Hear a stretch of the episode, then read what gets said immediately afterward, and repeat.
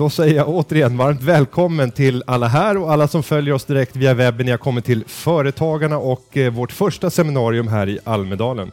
Företagarna har valt att eh, arrangera fem stycken egna seminarier på plats det här året.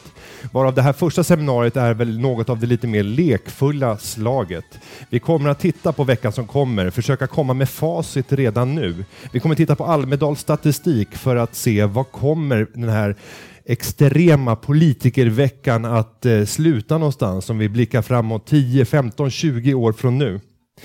Om ni vill diskutera lite andra frågor under veckan så vill jag passa på att bjuda in på måndag då vi arrangerar ett seminarium klockan kvart över två tillsammans med Grant Thornton som handlar om unga entreprenörer och framtiden. Eh, vårat unga nätverk som är på plats här tillsammans med Geos. Vill ni räcka upp händer? Jag ser flera av er här. Woo!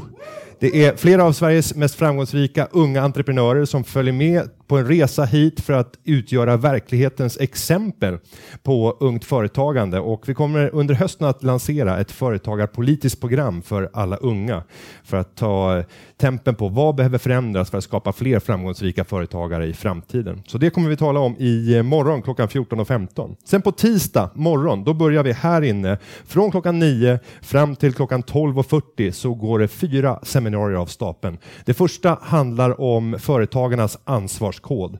Jag älskar schyssta villkor som ni knappast kommer att kunna undvika under den här veckan. Det handlar om ett alternativ för alla de sex av tio företagare som idag inte har ett kollektivavtal men ändå vill visa upp att man har schyssta villkor. För dem har vi tagit fram ett helt eget avtal som vi kommer att diskutera med arbetsmarknadens parter direkt på morgonen på tisdag. Sen kommer vi prata sharing is caring, den nya delningsekonomin. Vilka utmaningar får den för beskattning, för informationsflöden, för dagens företagare? Och eh, med oss har vi några av de främsta experterna inom området. Vi kommer efter det att prata om hållbarhetsarbetet. Hur mycket administration tål hållbarhetsarbetet? Och här har vi bland annat Petter Stordalen som en av personerna som genom sin hotellkoncern har satsat väldigt mycket på just hållbarhetsfrågorna. Och så avslutar vi den seminariedagen med utan företag, ingen integration. Vad gör företagare för att stärka integrationen i Sverige? Men med det så har det blivit dags för Företagarpodden live och jag säger varmt välkommen till Jonas Morian och till Britt Stakston. En varm applåd.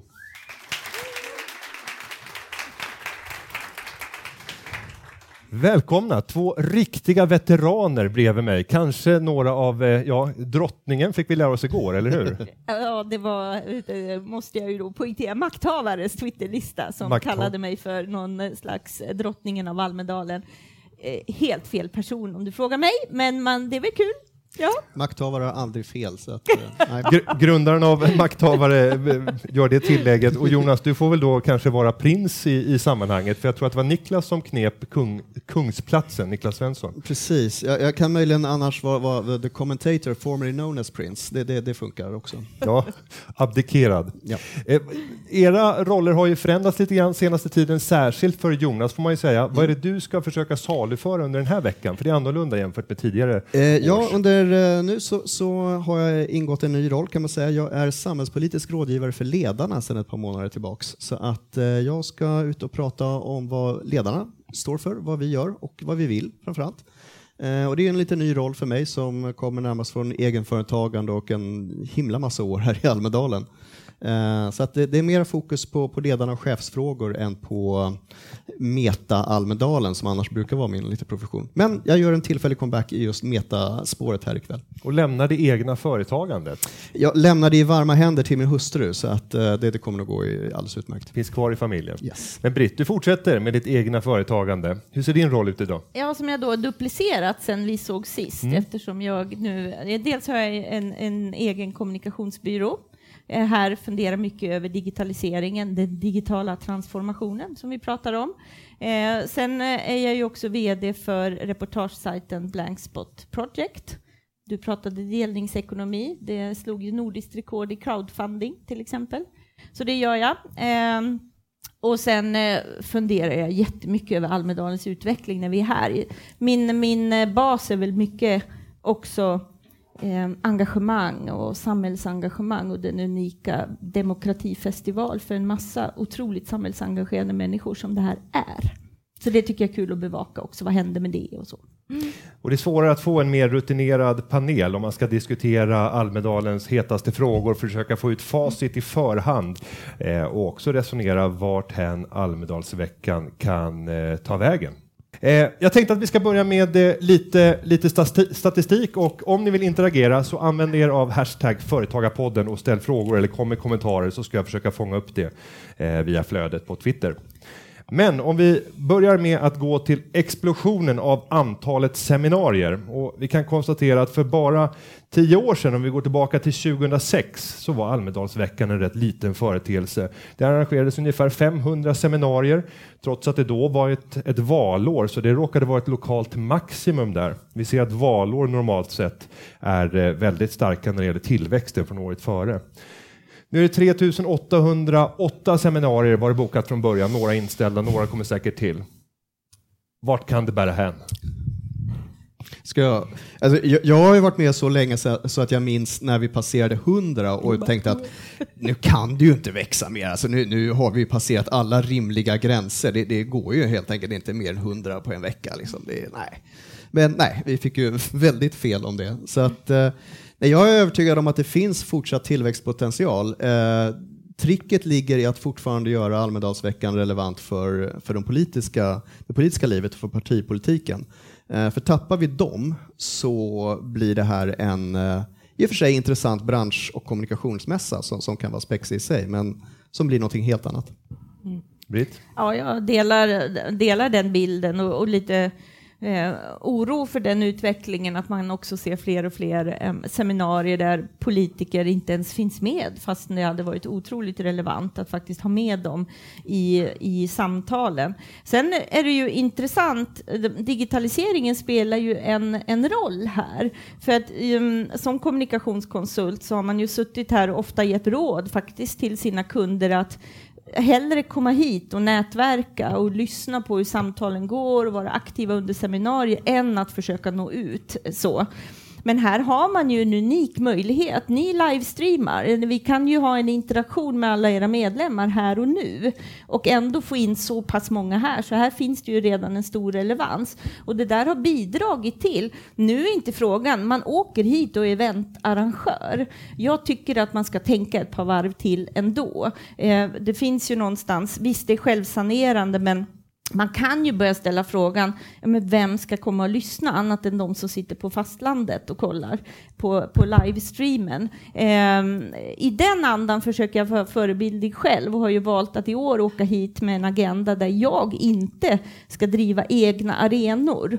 För att jag, jag har ett jättestort behov av att utnyttja den här arenan till att prata mer med människor och jag tror jag delar det med väldigt, väldigt många. Så, men internet har bidragit till att det har blivit ännu fler seminarier. Eh, jag minns ju 2009 blev jag avstängd för att jag live-twittrade. Jag ville visa att så här kan man använda Twitter. Det var första gången någon stängdes av. För att Twitter trodde ju jag var en robot. För jag, så här, stenograf vad heter det som, jag har nog varit det en gång i tiden. Det går snabbt när jag live-twittrar. Så jag stängdes av. Och det där var ju ett sätt att visa att det här är vad man ska jobba med för att synliggöra vad som händer här. Och det är ju det som har exploderat. Så jag tycker att det är härligt att den här arenan har gjorts så tillgänglig. Eh, ett av de första seminarierna jag kollade på idag, det var när Migrationsverket berättade om det år som har varit. Och notifikationen får jag ju för att de gör en Periscope-sändning från det seminariet. Så jag sätter mig faktiskt och aktivt väljer att ta en fika och kolla på det seminariet i streamen. Eh, och du gick förbi och såg att det var massa folk där. Jag råkade gå förbi Ja. och det var väldigt välbesökt. Det var Mm. tjockt med folk verkligen framför det och det är jätteglädjande tycker jag. Och jag gick inte dit för att jag såg att i panelen var det bara migrationsverksrepresentanter och jag kände att jag vill ju få in civilsamhället här som har varit så aktivt under eh, året som har varit, att då blir det lite mer dynamik i diskussionen. Ja, men Periscope-streamen fick mig att ja, men jag vill faktiskt ha lite koll på vad som händer där. Det är Ja. ett exempel på vad som händer i denna flora.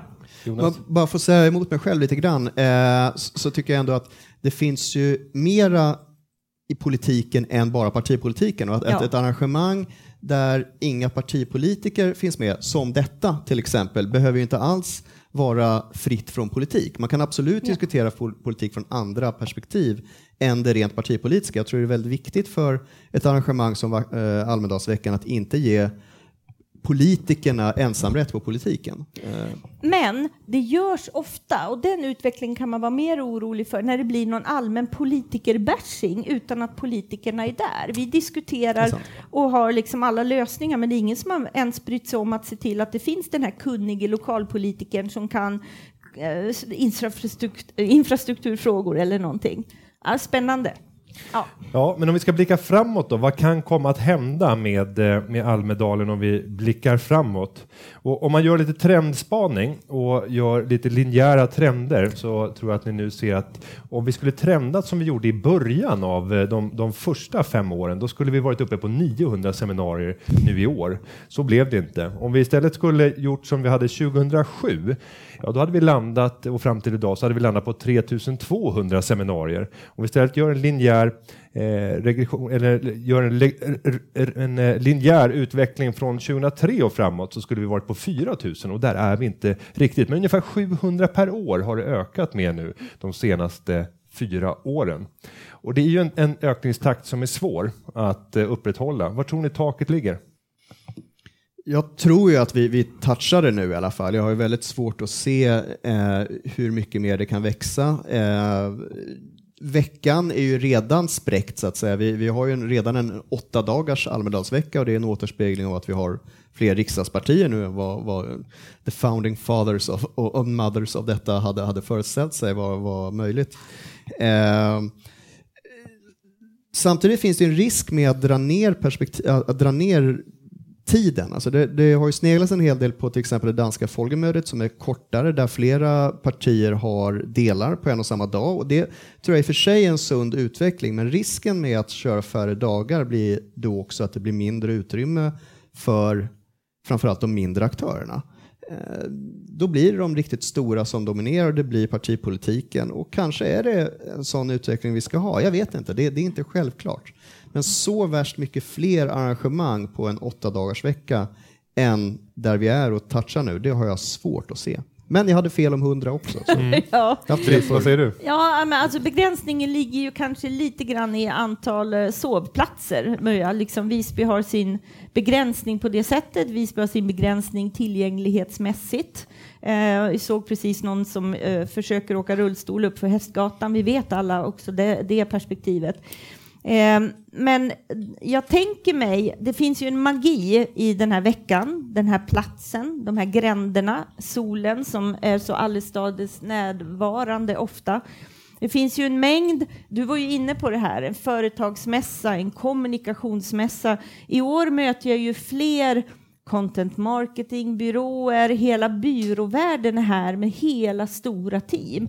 De kommer ju komma på att det är väl kul att vara här. Det finns en, en viktighet fortfarande av att vara här, att kunna säga att jag är i Almedalen under politikerveckan. Jag kanske har ett seminarium borta i en gränd någonstans som livesänds och kan ha sin relevans. Men man behöver inte slåss om, om den här typen av, av, av flera deltagare på seminariet. Och då, det, där finns det fortfarande en tillväxtpotential. Det finns något magiskt i att vara här. Och det magiska förstärks också. Sen ska vi inte glömma medias roll. Media är själva aktörer här. Media behöver mer och mer innehåll och då finns det större utrymme för allt du gör här är potentiellt innehåll i medierna. Vi har ju haft en utveckling under flera år där vi har sett en, flera olika Almedalsveckor som pågår parallellt, som delvis överlappar varandra. Det finns det försvarsindustriella komplexet som har sin Almedalsvecka, det finns medicinteknik och läkemedelsföretagen som har sin egen. Och så finns det eh, typ, eh, ja, miljörörelsen med sina frågor. Och de här, där de här överlappar, det är just här runt hörnet, eh, usel på riktningar, men ja, själva Almedalen, eh, där de flesta ändå möts kvällstid för att hänga och lyssna på partiledartalen. Men man kan mycket väl tänka sig en Almedalsvecka som blir mer tematisk. Att I år så handlar Almedalsveckan om de här tre temana och så får alla arrangörer, inklusive partierna, inrätta sig efter det. och som köra då teman eller arrangemang som handlar om miljöpolitik, tillgänglighet och eh, migration, till exempel ett år. Och nästa år så handlar det om folkhälsa och två andra saker. Så det är en tänkbar utveckling och jag tror att det vore positivt. Och, och jag själv kan konstatera att eh, seminarier arrangeras ju även i hög utsträckning utanför själva, ska vi kalla det, festivalområdet. Mm. Eh, och det var då jag fick lära mig att eh, det finns en gräns för när du får införas i programmet eller inte, en geografisk avgränsning. Så jag ska delta på seminarier som inte får komma med i programmet på grund av att det ligger utanför den inre zonen. Är inte det här vansinne? För det leder ju också till extremt ökade priser här i den här centrala delen och den lilla ytan yta som det faktiskt blir möjligt att arrangera på.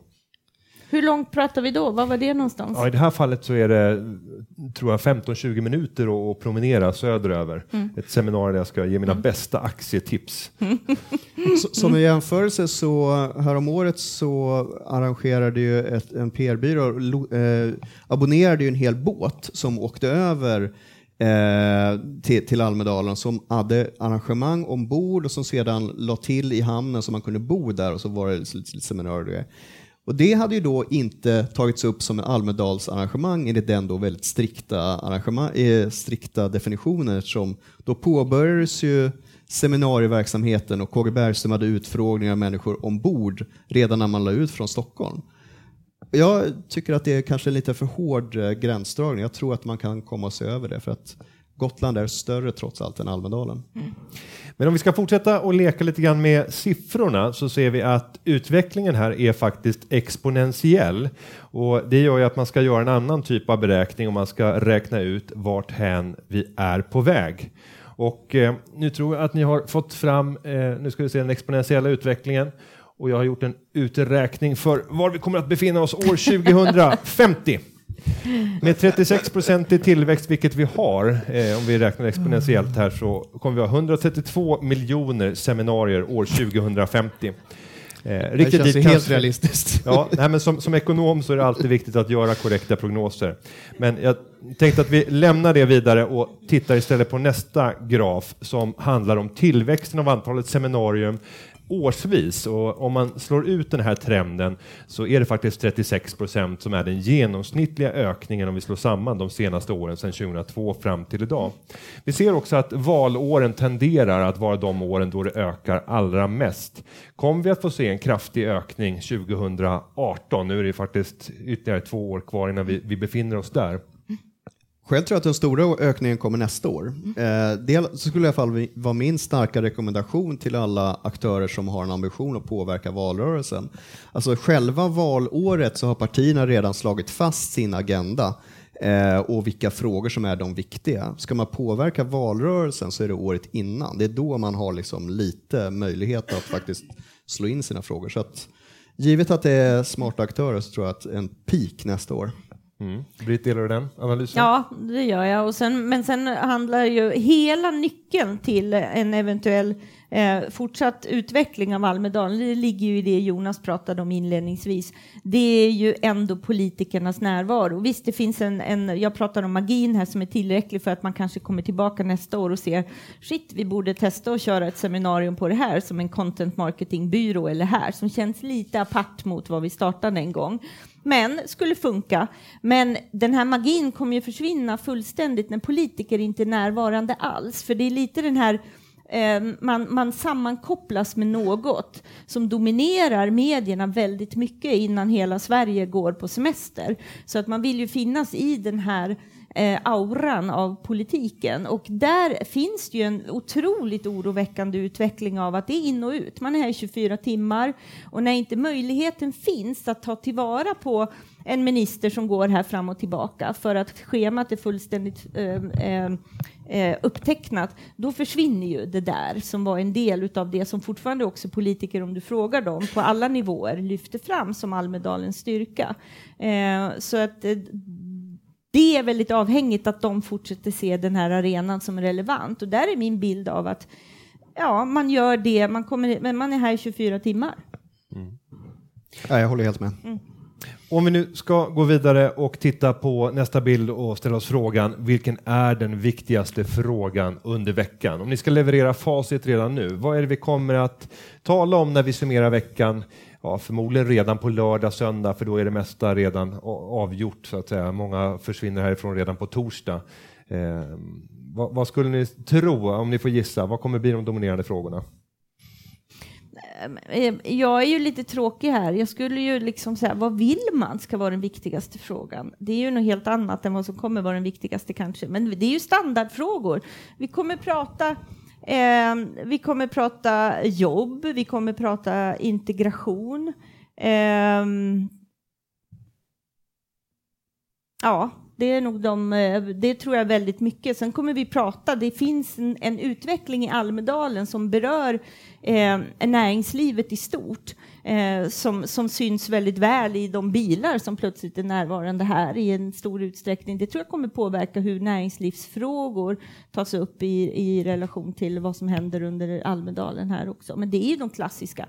Jobb, arbete, vård, eh, skola, självklart. Och skolaktörerna är otroligt eh, duktiga på synlighet, vilket också mm, kan prägla ett genomslag.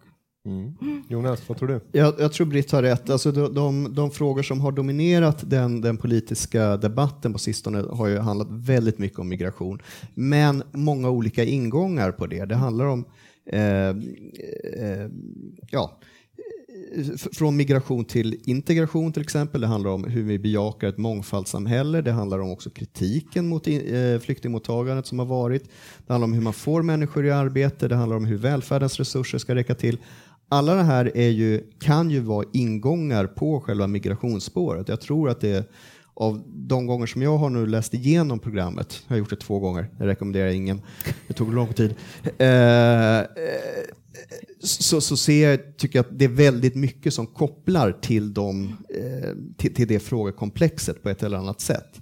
Det finns en del saker som sticker ut helt klart. Eh, hela näringslivets utmaningar på olika sätt eh, är ju i någon mening någonting annat, men även där finns det tydliga kopplingar.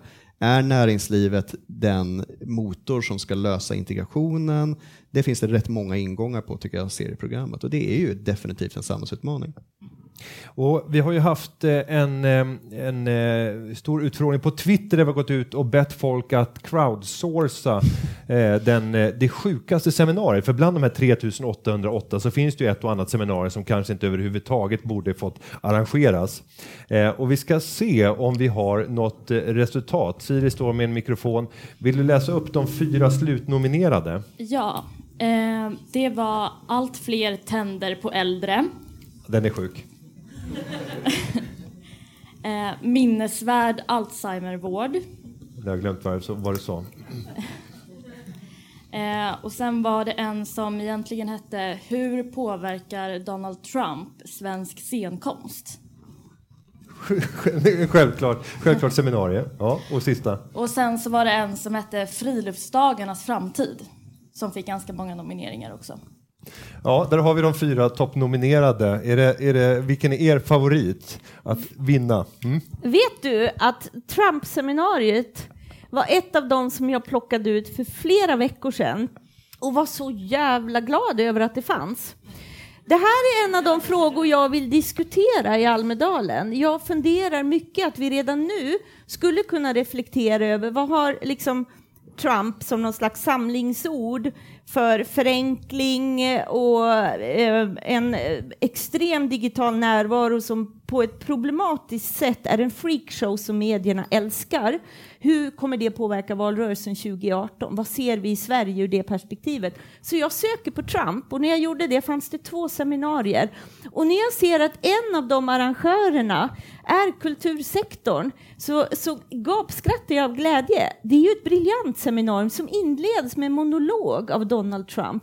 Så det är inte bara ett hittepå-rubrik utan det är på riktigt en koppling och sen en reflektion över kulturens roll i att påverka samhället. Det är ju briljant. Och, och, och, vad kan man lära sig av den här formuleringskonsten som de har använt? Och liksom det innovativa sättet att sätta ihop ett oväntat seminarium. Vad kan ni ge för tips till andra? Nej, men det finns ju otroligt många exempel på. Jag hade hade ju något annat eh, eh, som, som var mer i kategorin mindre substans när man tittade på det i slutändan och det var någon slags absurd koppling mellan eh, vi måste ju hitta det här, jag ska inte snurra till det här.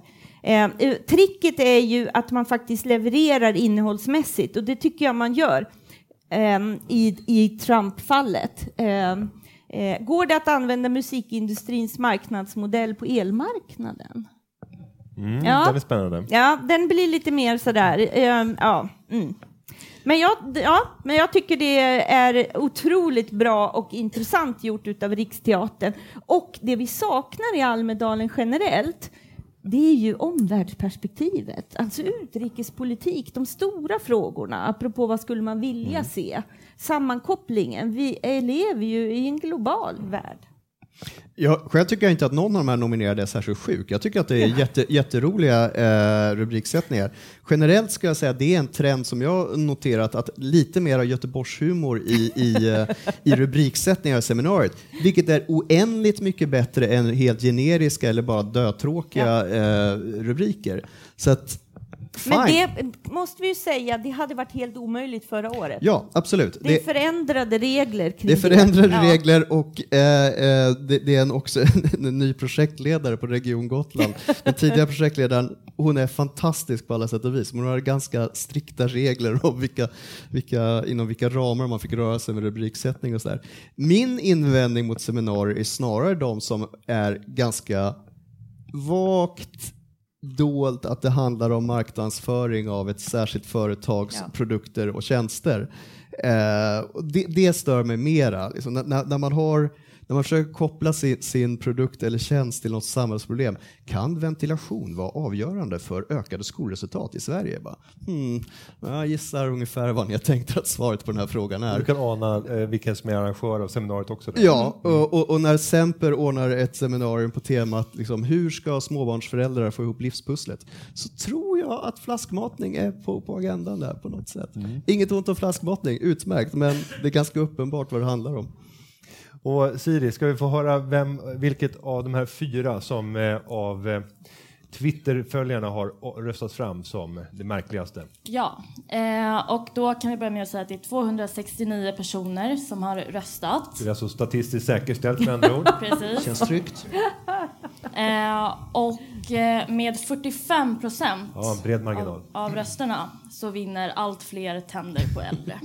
Ja. Vilket är briljant, det är tandvården och det, är- det, jag, jag älskar det, det är skitroligt. Men det är många här inne som också själva är arrangörer. Eh, nu är det tidigt på veckan, det här kanske är första grejen man går på. Och jag satt och funderade inför det här, de här flosklerna som man ofta får levererade och det här som kan bli pannkaka när man levererar ett seminarium. Och jag tänkte leverera några och sen får ni fylla på med era synpunkter. Men om vi börjar med att välkomna så säger vi välkommen till detta floskelseminarium. Värd för detta är en ängslig organisation som bokat en politiskt korrekt panel bestående eh, eller, eller, som man har balanserat med avseende på kön, etnicitet, ålder, geografisk hemvist, socioekonomisk härkomst, politisk åskådning, utbildning och sexuella preferenser. Vikten av att ha en, eh, en balanserad panel, hur viktigt är det? Eh, ja, det, ja, ja, det är förstås jätteviktigt, men det blir ju väldigt fånigt när det upplevs på det här sättet. Extremt regisserat, inte förankrat i... Det kommer ju finnas en verklighet där du kanske behöver strategier för att hantera att det inte ser ut så som det ser ut i panelen i den fråga man diskuterar till exempel och så.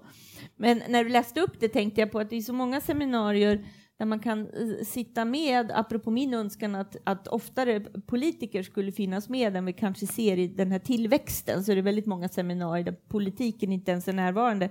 Man har ju också varit på många seminarier där politik, politiker är fullständigt hijackad. Det enda syftet med seminariet är att en arrangör eh, ska få tala med den här politikern om det. Man är fullständigt ointresserad av vad, åhörarna tycker eller vad någon annan i panelen säger, förutom att man har positionerat sig i relation till politikern. Det vill man ju inte heller se.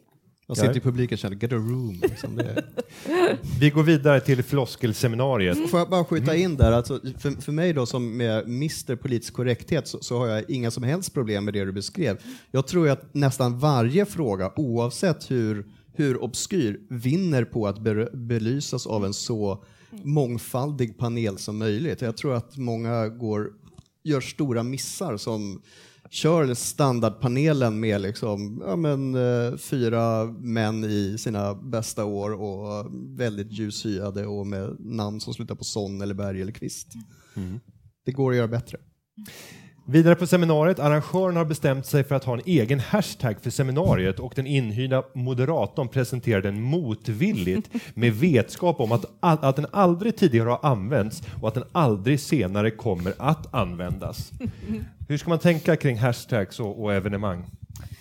Ja, ha koll på vilka som faktiskt används inom det ska man som ha finns. en egen? För Nej. om du bara har ett seminarium, ska Nej. man ha en egen då? Nej. Nej. Jag kan eh, bjuda på ett jätteroligt exempel på, eh, jag har ju eh, tidigare jobbat i kommunikationsbranschen eh, och när det kom hit en väldigt känd eh, internationell företagare för detta internationella företag eh, som välkänd av, av hela världen. Eh, men hashtaggen skulle vara året som detta seminarium skedde och en obskyr tre, eh, tre bokstäver och året en journalist är på plats och använder ju namnet på personen i fråga, förstås. Det blir ju taggen. Alltså, det blir ofta väldigt internt, irrelevant och nej, inte, adderar ingenting. Alltså hashtaggen Almedalen är ju briljant här fortfarande, så behöver man kanske inte, om man är ett arrangör och twittrar från ett seminarium, hela, hela tiden använda den. Eh, men eh, man kan återkomma regelbundet till den, göra summeringar när ni har livestreamen ute och så vidare. Sen om ni skulle jobba med en specifik fråga under en tid så, så kan det ju finnas en relevans att vilja kombinera. Men generellt mycket, mycket bättre att vara intresserad av vad använder andra för taggar. Men det är också en liten fråga om hur man lägger upp sitt seminarium eller sitt arrangemang. Förra året så hade Industrin tar matchen, körde ju robotmatchen. Men de byggde ju upp det, det var ju ett event en dag. Men de hade ju byggt upp det där under flera veckor, långt innan Almedalen, så att taggen robotmatchen var verkligen etablerad innan det. Därför att man hade fått de politiska ungdomsförbundsföreträdaren som var med i själva den här matchen att använda när de byggde sina robotar, när de pratade om grejen. Så det tyckte jag var otroligt skickligt. Så då blev den ju relevant för mera än själva, eh, själva aktiviteten. Och långt efter, den vill man ju Absolut. använda sen när man tar upp liknande frågor.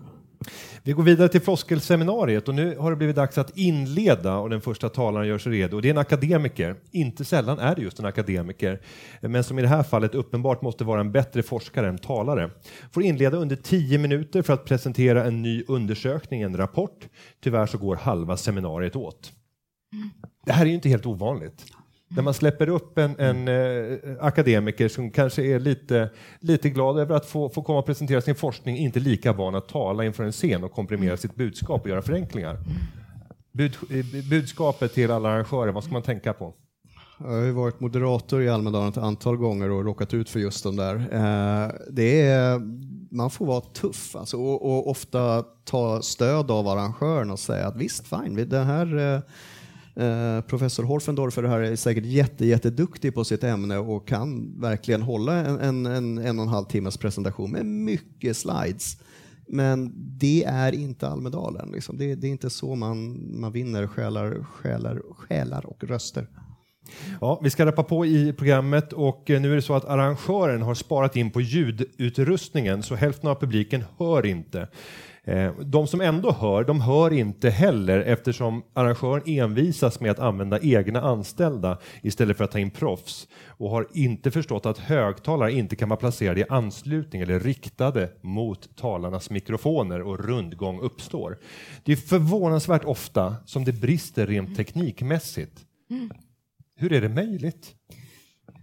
Men generellt tror jag att det finns en otrolig charm i att det enda man riktigt bryr sig om med Almedalen som man planerar typ veckan efter att man har varit här, det är resan och boendet till nästa gång, framförallt boendet. Sen finns det ju en, eh, det är ju en grym charm i hur himla mycket ad hoc allt annat sker.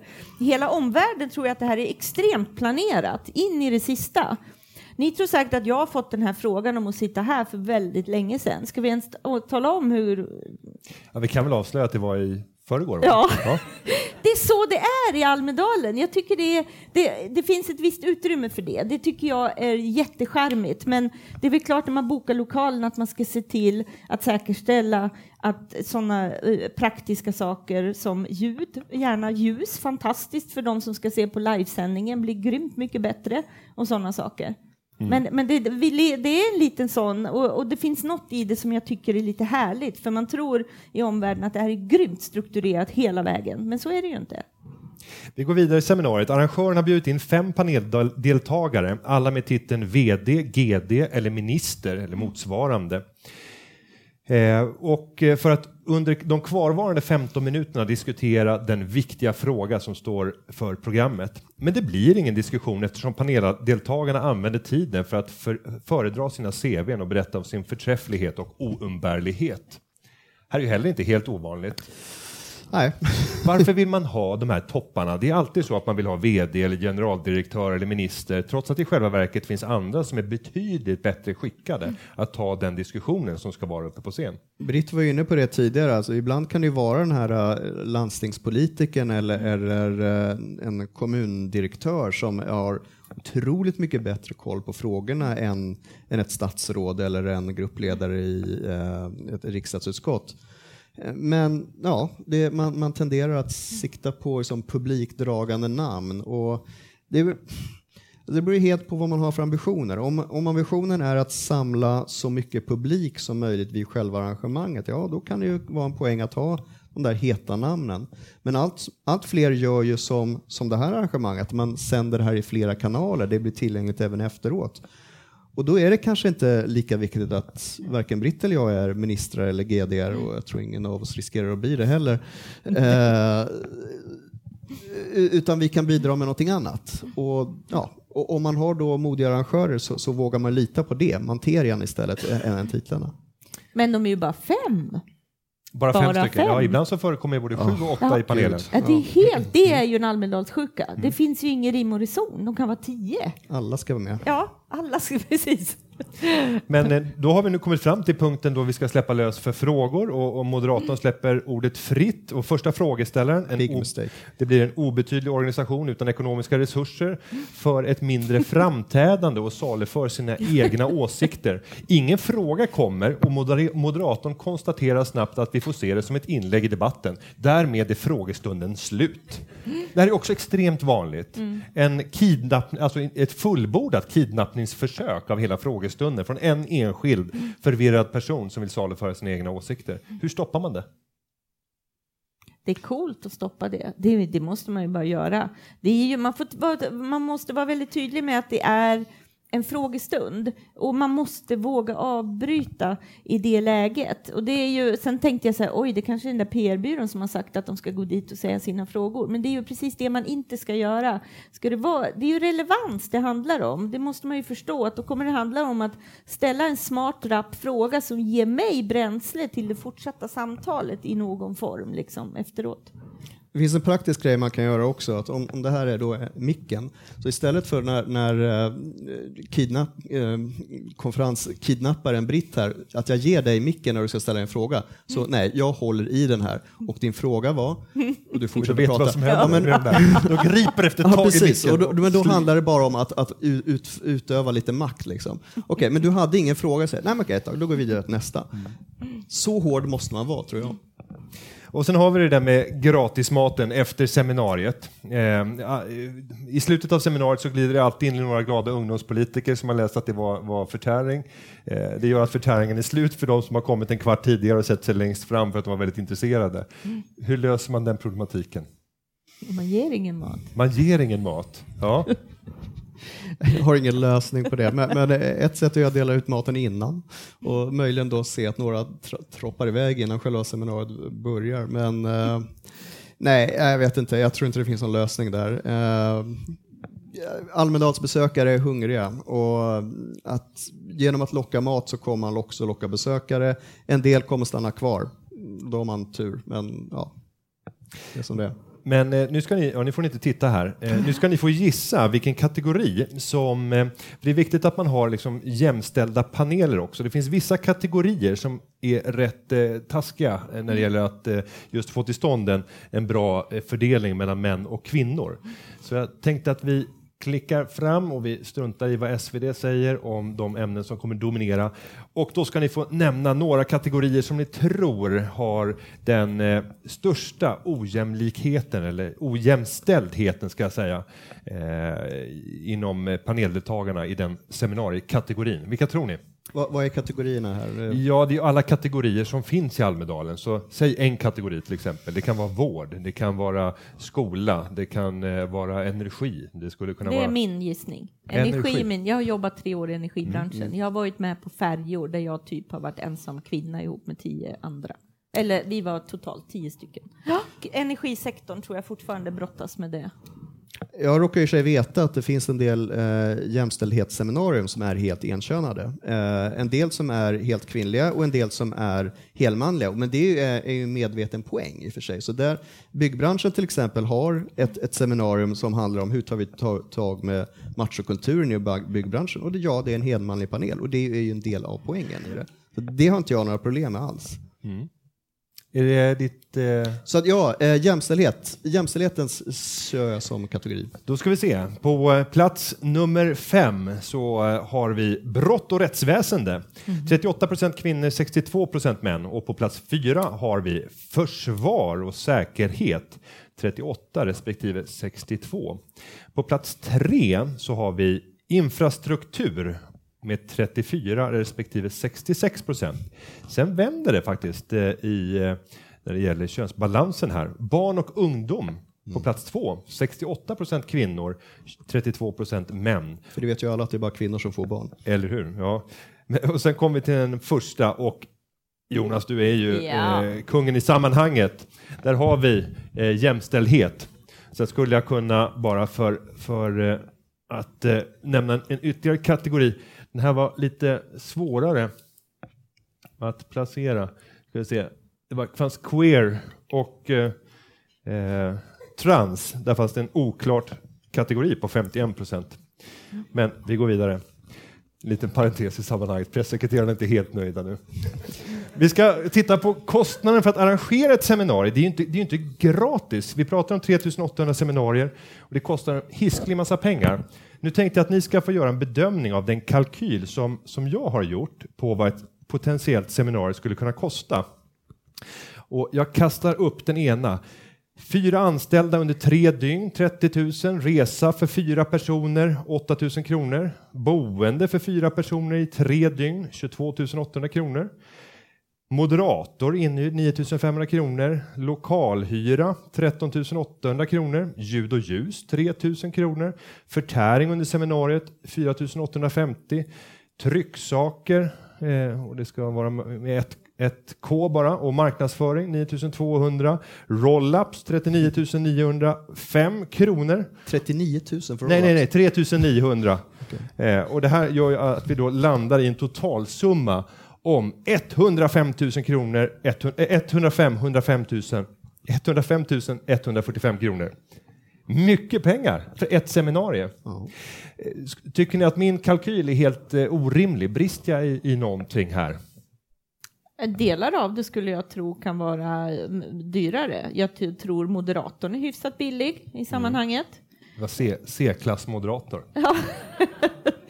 Och, och kanske inte ringa till tio paneldeltagare i förväg utan man kommer hit och gör någonting. Eh, och så. Eh, och sen även de här eh, roll-upsen var billiga. De har Två varit lite stycken. sena med Almedalskalendariet. Då får de punga upp 2000 kronor. Mm. Alltså det, det kommer lätt upp. Och sen lokalhyran. Här finns det ju många som tar väldigt mycket mer än 13 800. Oh ja. Ja. Och sen så tar en del eh, paneldeltagare också betalt. Mm. Det ska man kanske ha, ha i åtanke också. Och vi ska också konstatera att det går att Ja. lägga pengar på väldigt mycket annat. Till exempel att eh, köpa in konsulter. Man kan eh, också ha ett eget mingel, vilket blir fruktansvärt dyrt. Man kan ha exklusiva middagar med de beslutsfattare som finns inom sin bransch. Precis som Gudrun skulle man kunna ha en pengabål också, då går det undan. Eh, och och av de här delarna, vad är vettiga inköp och, och vad är det man ska passa sig för när det gäller inköp för att skapa framgång här i Almedalen? Men Jonas har sagt nyckelordet, alltså det handlar om relevans. Eh, och då kanske man inte, det blir ju faktiskt nästan hiskeligt att titta på din kalkyl som jag kan säga är lite lågt räknad till och med. Det måste ju sättas i ett större sammanhang, i ett långsiktigt kommunikationsarbete. Eh, och jag tror att det är jätteviktigt att jobba före, under, efter. Man får faktiskt kanske inte åka på semester på måndag. Eh, och, och, och du måste ju ha tydliga målbilder, det är där relevansen ligger i, i eh, eh, att kostnaderna kan vara motiverade. För, för, en, för en intresseorganisation som eh, lägger, säg, säg att du tar 100 000 då, så, eh, på ett seminarium här i Almedalen.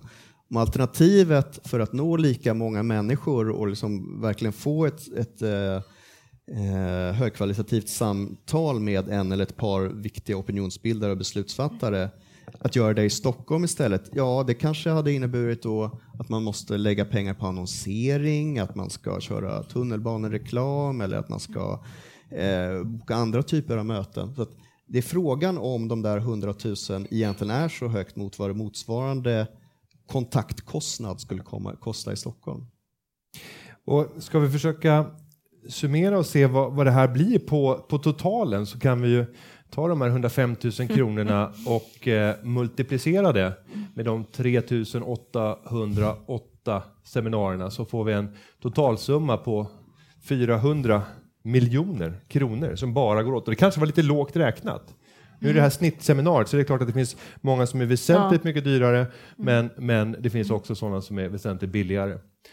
Eh, då skulle man kunna konstatera att vi skulle kunna utrota liksom, barnfattigdomen under en halv dag med de här pengarna.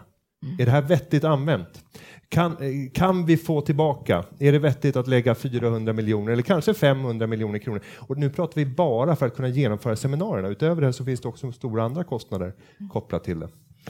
Alla saker man gör i samhället blir ju fullständigt absurt när man räknar ihop det på det här sättet och när man sätter det i relation till vad man skulle kunna göra. De pengar som vi här i rummet har lagt på våra märkeskläder, våra bilar, våra boenden, eh, våra husdjur. Allting är ju naturligtvis fullständigt orimliga summor i förhållande till hur många liv vi skulle rädda om vi hade gett det där till biståndspengar eller om vi hade lagt det på någonting annat. Så det där är tillämpbart på vad som helst. Så att Ja, det är ett bestickande räkneexempel och det låter ju absurt mycket pengar verkligen. Men återigen, man skulle kunna säga det om nästan vad som helst. Mm. Sen kan vi konstatera att det här föder enormt många affärsmöjligheter för alla skickliga företagare som finns där ute och det är vi särskilt glada över. Nu ska vi runda av med att titta på eh, bara hur andelen seminarium ser ut utifrån kategori. Vilka är det som dominerar i Almedalen? Och där ser vi att den största kategorin av arrangörer det är företag. De står för 29 procent av alla de 3808 seminarier som arrangeras. Därefter intresseorganisation, sen är det en annat kategori som utgör 17 procent, stat och kommun och landsting 12 procent, näringslivsorganisationer 7 procent där vi förmodligen själv hamnar, även om det är en svår balansgång mellan intresseorganisation och näringslivsorganisation. Facket 4 procent om vi tar riksdagspartier, riksdagspartier på eget dag och politisk organisation så når vi knappt upp till några ynka procent. Och så kallar vi det här för politikerveckan i Almedalen. Va, vad har vi att säga om det? Det är sorgligt. Är det sorgligt? Det finns ju ingen politik att tala om här. Ja, eller så är vi tillbaka till det jag sa innan, att, att politik är inte bara en angelägenhet för partipolitiken. Liksom. Det, det, är, eh, det är minst lika mycket intresseorganisationer och företag och, och facket och näringslivet och, som är en del av politiken. Samhälls, samhällsdialogen måste omfatta mer än partier. Och jag tror som avrundning att vi faktiskt döper om den här eh, politikerveckan och att vi eh, sätter ett namn, Företagarveckan i Almedalen. För det är precis vad det handlar om när vi tittar på statistiken.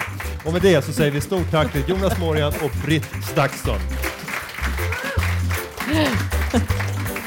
Företagarna, ja, ja, ja, ja, ja, ja. Företagarna